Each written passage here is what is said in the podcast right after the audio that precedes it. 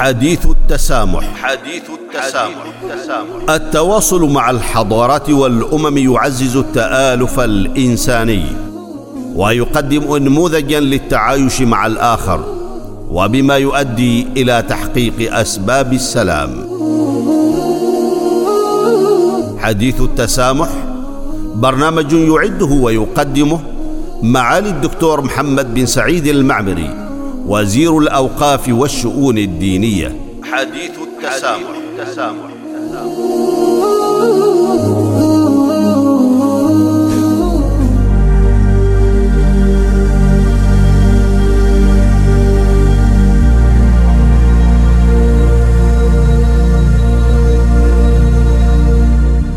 بسم الله الرحمن الرحيم الحمد لله والصلاة والسلام على رسول الله وعلى آله وأصحابه أجمعين ومن تبعهم بإحسان إلى يوم الدين.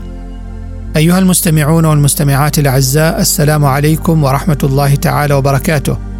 واهلا وسهلا بكم في هذه الحلقة الجديدة من حلقات برنامجكم حديث التسامح. تتناول هذه الحلقة التعاون والتضامن بين المسلمين. فاهلا وسهلا بكم جميعا.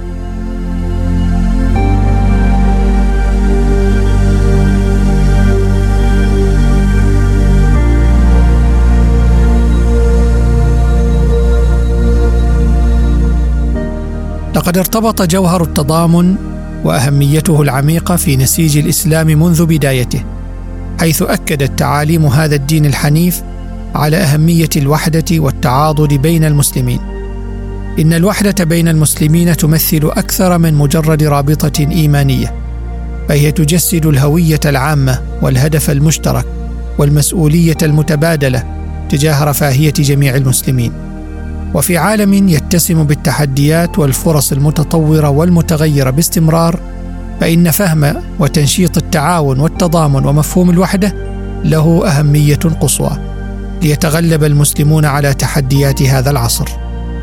أيها المستمعون والمستمعات منذ بزوغ فجر الإسلام ببعثة النبي محمد صلى الله عليه وآله وسلم أكدت تعاليم هذا الدين العظيم على الأهمية الحيوية للتضامن والتعاون والترابط بين المسلمين. إن مفهوم الوحدة متأصل بعمق في المبادئ الأساسية للإسلام والذي يتلخص بشكل جوهري في مفهوم الأمة والذي يشير إلى المجتمع الجماعي للمسلمين عامة. وخلال السنوات الأولى للإسلام والمسلمين واجه المجتمع المسلم اليافع اضطهادا كبيرا ومجموعة من العقبات والشدائد التي لم يكن ليتغلب عليها المسلمون لولا الصبر والتضامن الجماعي والتعاون المتبادل. وهجرة المسلمين إلى المدينة المنورة لم تكن مجرد حدث عابر في التاريخ الإسلامي ولكنها جاءت لتؤكد على مبادئ التضامن والتعاون. فعند وصول النبي صلى الله عليه وآله وسلم إلى المدينة المنورة أسس نظاما اجتماعيا آخى فيه بين المهاجرين والأنصار لينشئ بذلك مجتمعا مسلما متعاضدا يقوم على التعاون والتضامن. ويذكرنا القرآن الكريم باستمرار برباطنا المشترك نحن المسلمين. يقول المولى سبحانه وتعالى واعتصموا بحبل الله جميعا ولا تفرقوا. واذكروا نعمة الله عليكم إذ كنتم اعداء فألف بين قلوبكم واصبحتم بنعمته إخوانا. وقد شبه النبي صلى الله عليه وآله وسلم هذه الأمة بالجسد الواحد فقال مثل المسلمين في توادهم وتراحمهم وتعاطفهم كمثل الجسد إذا اشتكى منه عضو تداعى له سائر الجسد بالسهر والحمى. وفي هذا الحديث إيضاح بأهمية الترابط والتضامن بين المسلمين وأن معاناة الفرد المسلم هي كذلك معاناة لباقي المسلمين.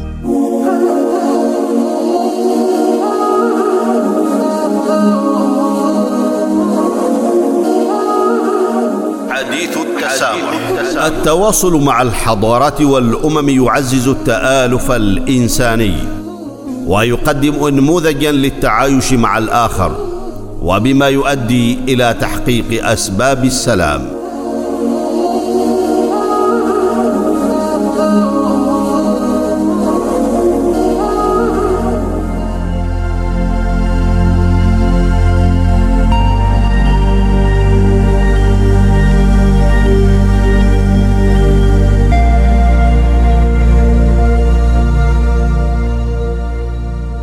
أعزائي المستمعين والمستمعات لقد شهد العالم الإسلامي في العصر الحديث تحديات غير مسبوقة وقد أدى التقدم التكنولوجي السريع والعولمة والتوترات الجيوسياسية في بعض الأحيان إلى تضخيم الانقسامات بين المسلمين مهددة القيمة الأساسية للوحدة والترابط التي يؤكد عليها الإسلام وقد تركت الخلافات داخل بعض المجتمعات المسلمة آثارا طويلة المدى أدت إلى عرقلة التنمية وانعدام الثقة. وتتطلب هذه التحديات تجديد الالتزام بالتعاون والتضامن لتحصين أبناء هذه الأمة ضد الأصوات الداعية إلى الخلاف. إن أحد أبرز التحديات التي يواجهها المسلمون اليوم هو تصاعد خطابات الكراهية ضدهم حتى نمت وتحولت لتخرج على شكل ظاهرة رهاب الإسلام. أو الإسلاموفوبيا. وقد أدت هذه الظاهرة التي ألقينا الضوء عليها في عدة حلقات سابقة إلى وقوع ظلم على المسلمين في العديد من المجتمعات حول العالم. ظلم غذته الطموحات الإقليمية والأيديولوجيات السياسية المختلفة. وفي مواجهة هذه التحديات المعاصرة يبقى جوهر قوة هذه الأمة في وحدتها وتضامنها وتعاونها. وإعادة النظر في تعاليم الإسلام وتكييفها مع السياقات المعاصرة هو الطريق نحو التكاتف ورفع الظلم. ولن يتسنى للمسلمين التغلب على هذه التحديات وتمهيد الطريق لمستقبلهم ومستقبل أبنائهم إلا من خلال الرجوع إلى تعاليم الإسلام والتأكيد على الالتزام والأخذ بها. أيها المستمعون والمستمعات لقد أكد القرآن الكريم على أن الإنسان معرض للخسران ما لم يتواصى بينه وبين إخوانه بالحق والصبر. يقول الله سبحانه وتعالى بسم الله الرحمن الرحيم والعصر إن الإنسان لفي خسر. إلا الذين آمنوا وعملوا الصالحات وتواصوا بالحق وتواصوا بالصبر. والتواصي بالصبر على الشدائد والمحن لا يعني عدم الاجتهاد في مد يد العون والوقوف مع المتضرر. فقد جاء عن النبي صلى الله عليه وآله وسلم أنه قال من نفس عن مؤمن كربة من كرب الدنيا نفس الله عنه كربة من كرب يوم القيامة. ومن يسر على معسر يسر الله عليه في الدنيا والآخرة. ومن ستر مؤمنا ستره الله في الدنيا والآخرة. والله في عون العبد ما كان العبد في عون أخيه. لقد أكدت الأحداث التي مرت بالعالم خلال السنوات الأخيرة الماضية ضرورة الالتحام ورص الصف وعدم الخروج عن الوحدة وتقديم الصالح العام على المصالح الفردية والشخصية درءا للفتن وحفظا للمجتمع من الشقاق والضعف. فرفع الظلم الواقع على العديد من المسلمين اليوم في انحاء متفرقة من العالم يتطلب تضامنا وتعاونا وتنسيقا للجهود والبعد عن التشتت والفردانية. وقد أمر الله سبحانه وتعالى المسلمين في القرآن الكريم بالتعاون فقال وتعاونوا على البر والتقوى. وإن التعاون لا يتحقق بالفردانية ولا يؤتي ثماره من غير تنسيق وتوجيه. أعزائي المستمعين والمستمعات ختاما فإن التركيز على التعاون والتضامن بين المسلمين دعوة دائمة للعمل من أجل رفاه هذه الأمة. وكما في الحديث فإن المؤمن للمؤمن كالبنيان يشد بعضه بعضا. ومع استمرار المشهد العالمي في التغير المتسارع تظل قوة هذه الأمة في قدرتها على التكيف والتطور مع تمسكها بمبادئها الأساسية المتمثلة في الوحدة والتضامن والتعاون. ومن خلال تسخير قوة العمل الجماعي المتجذرة في القيم والغايات المشتركة بين المسلمين يستطيع المسلمون أن يبنوا لأبنائهم طريقا نحو الانسجام والاحترام المتبادل والتقدم. وهذا المسار لا يضمن ازدهار المسلمين فحسب بل يسهم أيضا في بناء عالم ينتصر فيه الحق على الجهل والعدل على الظلم والتعاون على الصراع والوحدة على الانقسام. نقف عند هذا الحد ونكمل الحديث معكم في حديث التسامح في الحلقة المقبلة بإذن الله. حتى ذلك الموعد. نستودعكم الله. والسلام عليكم ورحمة الله تعالى وبركاته.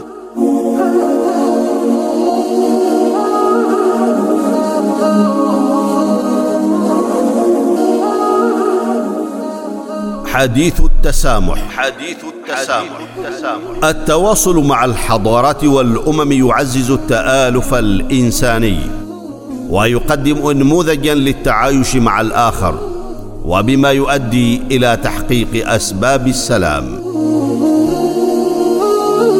حديث التسامح برنامج يعده ويقدمه معالي الدكتور محمد بن سعيد المعمري وزير الأوقاف والشؤون الدينية حديث التسامح, حديث التسامح.